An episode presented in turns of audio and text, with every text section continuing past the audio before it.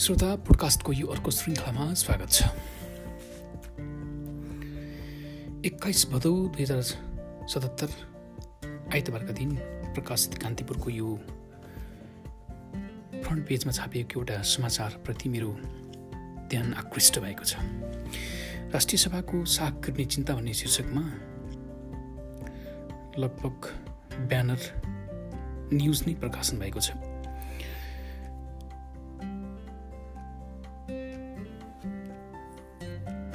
नेकपा उपाध्यक्ष वामदेव गौतम राष्ट्रिय सभामा मनोनित भएमा उनीसहित सङ्घीय संसदको मथिल माथिल्लो सदनमा प्रत्यक्ष चुनाव हारेकाहरूको सङ्ख्या सात पुग्नेछ।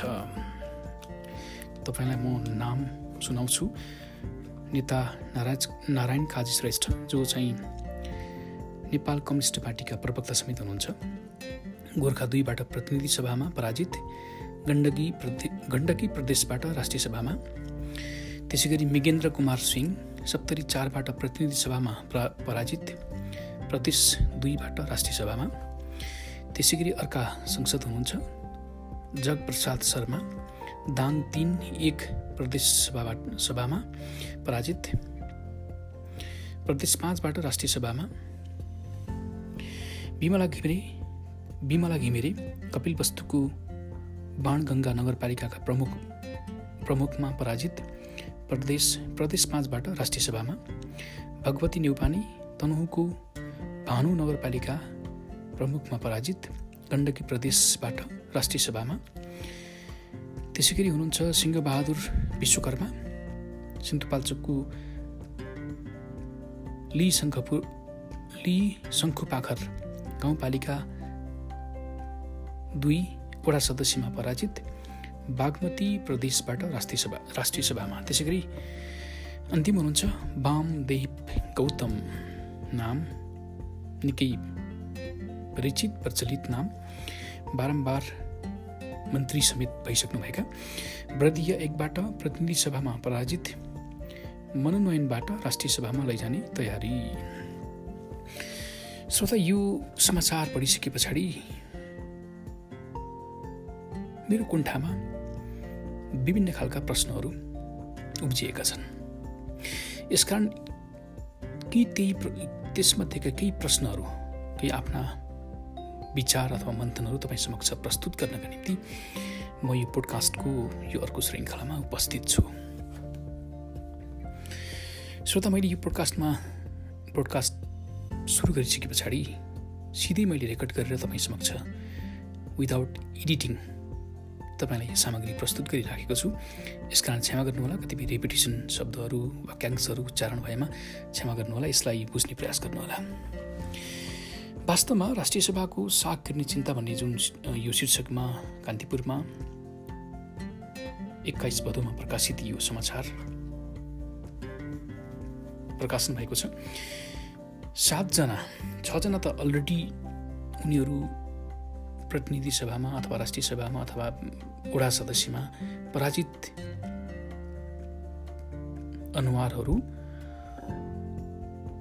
जनमतको अपमान गर्दै उनीहरूलाई पुनः कोही राष्ट्रिय सभामा सदस्य निर्वाचित भएका छन् भने कोही चाहिँ प्रदेश सभामा उनीहरूलाई पुनः माफ निर्वाचित त होइन उनीहरूलाई मनोनयन गरेर ल्याइएको छ। निर्वाचित होइनन् निर्वाचित हुन सकेनन्। जनताले उनीहरूलाई आफ्नो क्षेत्रमा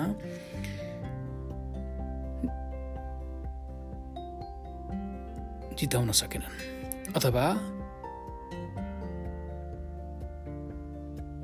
जनताको मत पाएर मत नपाएर उनीहरू हारेका प्रतिनिधि सभा अथवा प्रदेश सभामा। र उनीहरूलाई शक्तिको दुरुपयोग गर्दै केन्द्रीय सरकारले पुनः राष्ट्रिय सभामा राख्ने अथवा प्रदेश सरकारले पनि विशेष गरी केन्द्रीय सरकारकै हात हुनुपर्छ। प्रदेश सरकारमा पनि र केन्द्रीय सरकारमा पनि त्यसै गरी राष्ट्रिय सभामा ल्याउने र प्रदेशमा प्रदेश सभाको प्रदेश सभामा मनोनित सदस्यमा ल्याउने गरिराखेको छ। यो वास्तवमा जनताको अभिमतको अपमान भएको छ। यदि दुई हजार बहत्तर सालको चुनावमा प्रतिनिधि सभाको चुनाव अथवा प्रदेश सभाको चुनावमा जितेर पनि मा भन्नुहोस्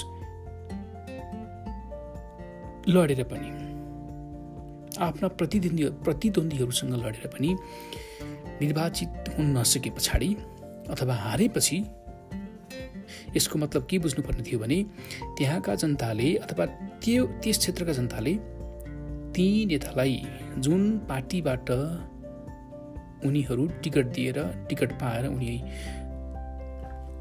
निर्वाचन लडेका थिए चुनाव लडेका थिए ती व्यक्तिलाई ती व्यक्तिहरूले हारिसके पछाडि त्यो क्षेत्रका जनताले अब चाहिँ विकासको बागडोर तिम्रो हातमा होइन है हाम्रो हाम्रो क्षेत्रको अथवा हामी हाम्रो क्षेत्रको लागि तिमी हाम्रो नेता होइनौ।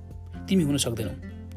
अब चाहिँ हामी अर्कोलाई जिताउँछौँ भनेर जनताको अभिमत पाएर मत पाएर त्यस क्षेत्रका त्यस क्षेत्रको अर्को उस उनकै प्रतिद्वन्दी निर्वाचित भइसके पछाडि स्वत यो वर्षको लागि अथवा अर्को चुनाव नआउन्जेलसम्म उनीहरू चुपचाप पार्टीमै बस्नु पर्थ्यो। यो चाहिँ बहादुरी हुन सक्थ्यो। यदि साँच्चै नेता हो भने यदि साँच्चै कार्ल मार्क्सले भनेको साँच्चैको नेता हो भने उनी बहादुरी भएर कर्मी अथवा आफ्नो क्षेत्रमा अथवा पार्टीमै बस्नु पर्थ्यो। पार्टीले जुन जिम्मेवारी दिन्थ्यो त्यसमा जिम्मेवार बोध गरेर बस्नुपर्ने हुन्थ्यो हुन्थ्यो। तर त्यही पार्टीले टिकट दिएर त्यही क्षेत्रमा उठायो तर पराजित भइसके पछाडि त्यही पार्टीले फेरि पुनः मनोनित सदस्यमा राष्ट्रिय सभामा र प्रदेश सभामा ल्यायो। हेर्नुहोस्। शक्तिको दुरुपयोग। कम्युनिस्टका नेता कार्ल मार्क्सले कहिले पनि यसरी शक्तिको दुरुपयोग गर्नुपर्छ जनताको अभिमतलाई कदर गर्नु हुँदैन भनेर कहिले पनि सिकाएका छैनन्। जनताको अभिमतलाई अपमान गर्नुपर्छ गर्नु गर्नु भनेर कहिले पनि सिकाएका छैनन्।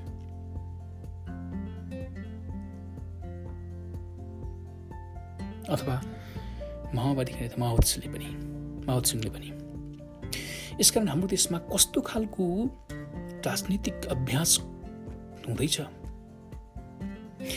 यदि ती नेताहरूलाई प्रतिनिधि सभा दुई हजार बहत्तर सालमा प्रतिनिधि सभाको चुनावमा उठेका नेताहरूले पार्टीको टिकट पाइसके पछाडि उठेका नेताहरूले यदि दुई हजार बहत्तर सालको दुई हजार बहत्तर सालको आम निर्वाचनमा अथवा प्रतिनिधि सभामा अथवा प्रदेश सभाका सभामा उठेर उनीहरू पराजित भइसके पछाडि पुनः उनीहरूलाई राष्ट्रिय सभामा अथवा प्रदेश सभामा विभिन्न बखेडा रचेर केन्द्रीय सरकारले पुनः उनीहरूलाई मनोनित सदस्यमा ल्याउनु यो कतिको नैतिकवान कुरा हो। मोरल्ली पनि उनीहरू हारिसकेका छन्। मोरल्ली पनि उनीहरू जित्न नसकिसके पछाडि जित्न नसकेपछि उनीहरू नैतिकताको हिसाबले पनि राष्ट्रिय सभामा अथवा प्रतिनिधि सभामा आउनु हुँदैन थियो। यो पार्टीले कस्तो खालको रुलिङ गर्दैछ? त्यसकारण श्रोता केही समय अगाडि मैले के यो देशमा नैतिकवान मानिसहरू छन् भनेर एउटा प्रश्न गरेको थिएँ।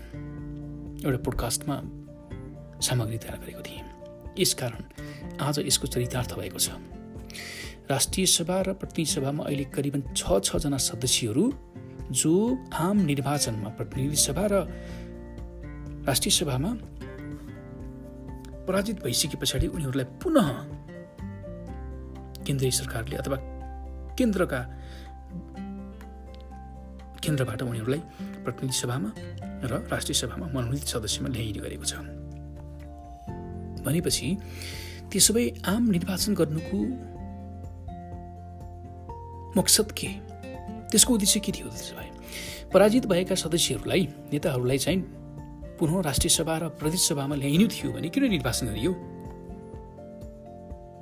आज यो प्रश्न केन्द्रीय स्तरका नेताहरूलाई विशेष गरी दुई तिहाईका दुई तिहाई सरकारको बागडोर सम्हालेका प्रधानमन्त्री केपी शर्मा ओलीज्यूलाई र पूर्व प्रधानमन्त्री अथवा कम्युनिस्ट पार्टी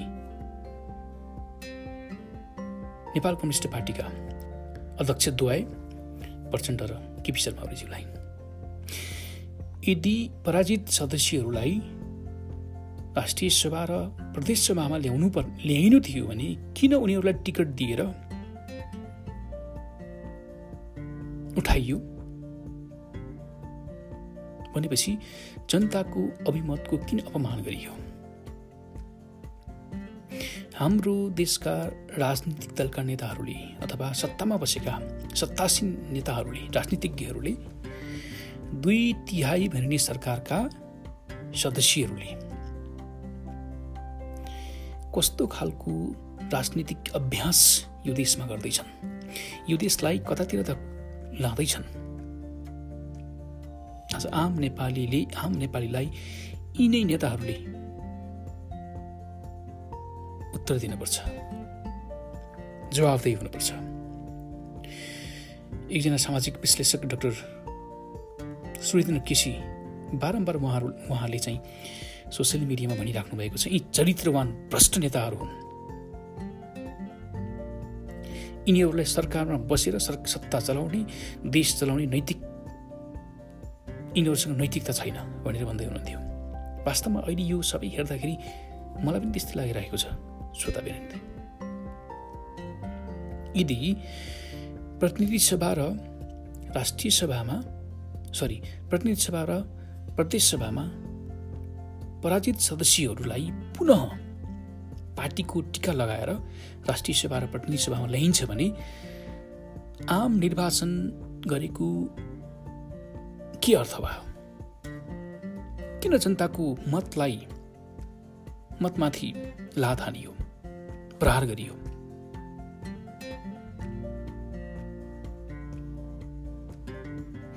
किन हाम्रा नेताहरू यसरी जनताको नाममा आफ्नो राजनीतिक साख समाप्त गर्दैछन्। यदि यस्तै हुँदै जाने हो भने आगामी निर्वाचनमा पनि यस्तै प्र्याक्टिस हुनेछ। त्यसो भए आम निर्वाचन गर्नुको के दुःख रह्यो के अर्थ रह्यो?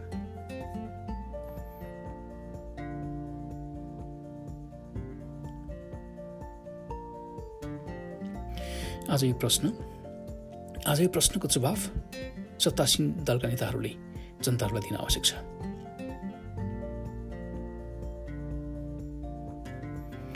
यति ठुलो गल्ती अहिले सत्तासीन दलका नेताहरूले गर्दैछन् कि विशेष गरी दुई तिहाई सरकारका प्रतिनिधिहरूले नेताहरूले आफ्नै पार्टीका पराजित नेताहरूलाई यिनीहरूलाई त नेता पनि भन्न लायक जस्तो लाग्दैन मलाई त व्यक्तिगत तौरले भन्ने हो भने।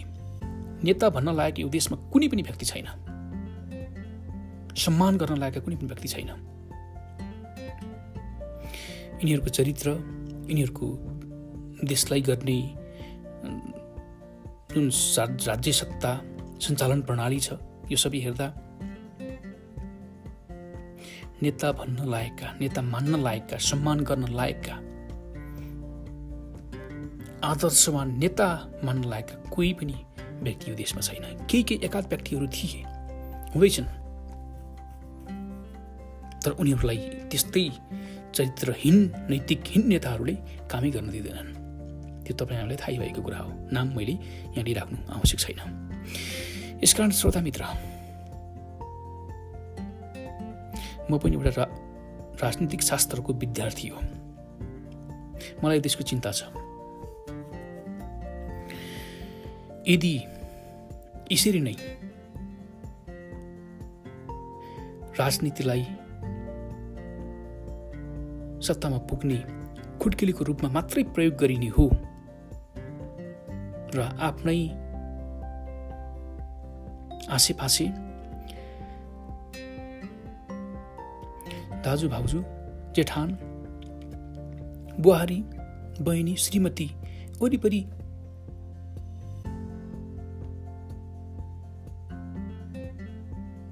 राजनीति केन्द्रित केन्द्रित हुने हो भने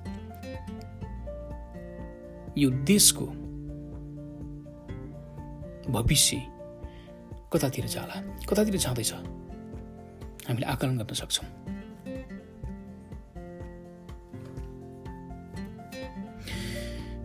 राधेश्याम अधिकारी राष्ट्रिय सभा सदस्यले उहाँले के भन्नुभएको छ भने सक्रिय राजनीतिमा रहेका र चुनाव हारेका व्यक्तिलाई मनोनयन गरिने कोटाबाट राष्ट्रिय सभामा ल्याइनु ठिक होइन भनेर नेता स्वयं आफैले भनिराखेका छन्। त्यसै गरी सुटी किरण गुरुङ पूर्व महासचिव व्यवस्थापिका संसद हुनुहुन्छ उहाँ। माथिल्लो सदनमा राजनीतिक क्याडरको राजनीतिक क्याडरको नभई विषय विज्ञको प्रतिनिधित्व हुनुपर्ने हो। तर अडतालिस सालदेखि नै त्यो थिति बसालिएन। अहिले थप जनताले अस्वीकार गरेकालाई पठाउन थालेर राष्ट्रिय सभाको बच्चे खुचीको गरिमा पनि खस्काउने प्रयत्न गरिँदैछ। हेर्नुहोस्। विश्लेषकहरूले आफ्नो प्रश्न विचारहरू यतिखेर व्यक्त गरिराख्नु भएको छ। यो कुनै पनि हिसाबले यसो गर्नु जनताको मतको अपमान हो। यदि यसरी नै पराजित नेताहरूलाई राष्ट्रिय सभा र प्रतिनिधि सभामा मनोनित सदस्यको ल्याउने सदस्यको रूपमा ल्याउने हो भने आगामी निर्वाचन गर्नुको कुनै दुख छैन। त्यसो भए यसरी टिका लगाएर आफ्ना मन परेका नेताहरूलाई दुई तिहाईको सरकारले अपराजित अपराजित प्रतिनिधिलाई नेतालाई यसरी राष्ट्रिय सभा र प्रतिनिधि सभामा ल्याउने हो र अन्तत क्याबिनेटमा ल्याउने हो भने यस्ता नेताहरूले पराजित नेताहरूले कसरी देशको बागडोर सम्हाल्न सक्छन्? कसरी यो देशलाई नेतृत्व दिन सक्छन्? यस्ता अनैतिक र चरित्रवान व्यक्तिहरूले सम्हालेको देश कसरी विकास विकासको गतिमा अगाडि बढ्न सक्छ? उन्नतिको प्र उन्नति र प्रगतिको गतिमा अगाडि बढ्न सक्छ? कसरी यो यो देशको सर्वाङ्गीण विकास हुन्छ?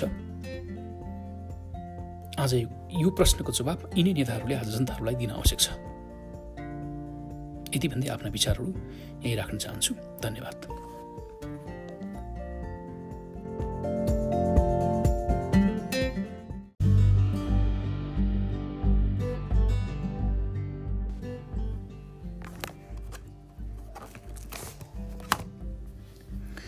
मत्तीको पुस्तक अध्याय तिन।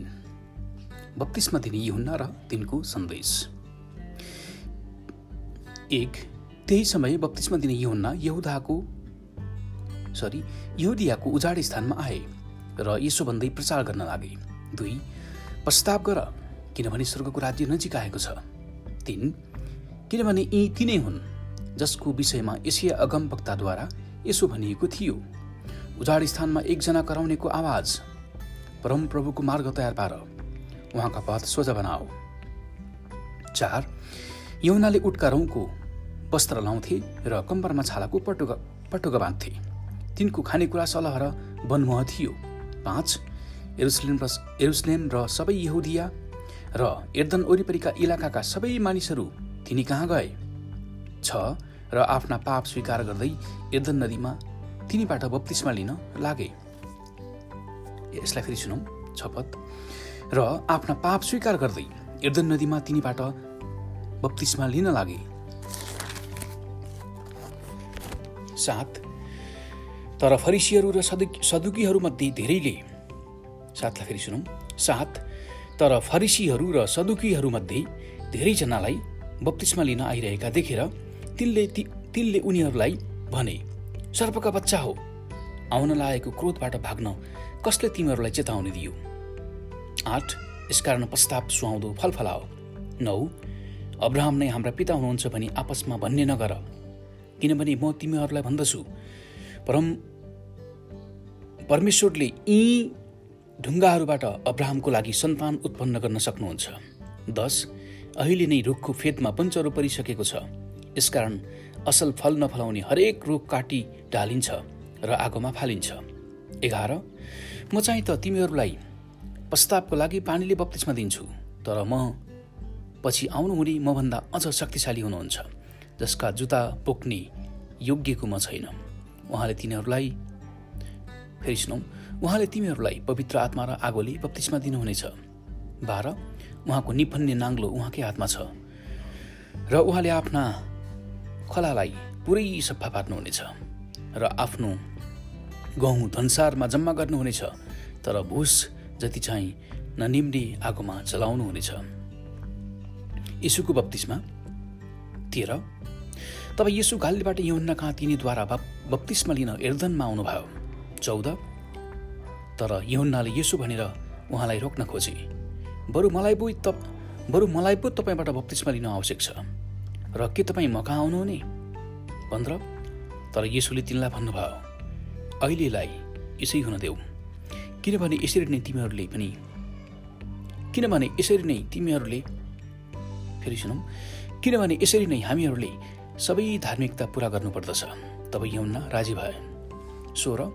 अनि यसो बत्तिसमा लिएर तुरुन्तै पानीबाट माथि निस्कनु भयो अनि स्वर्ग उग्रियो र उहाँले परमेश्वरको आत्मालाई ढुकुर चाहिँ उर्लिरहनु भएको र आफू चाहिँ आइरहनु भएको देख्नुभयो। माफ गर्नुहोस्। र आफूमाथि आइरहनु भएको देख्नुभयो। सत्र तब स्वर्गबाट यो भाँडी आयो। यिनी मेरा प्रिय पुत्र हुन्। यिनीसँग म अति प्रसन्न छु। आमेन।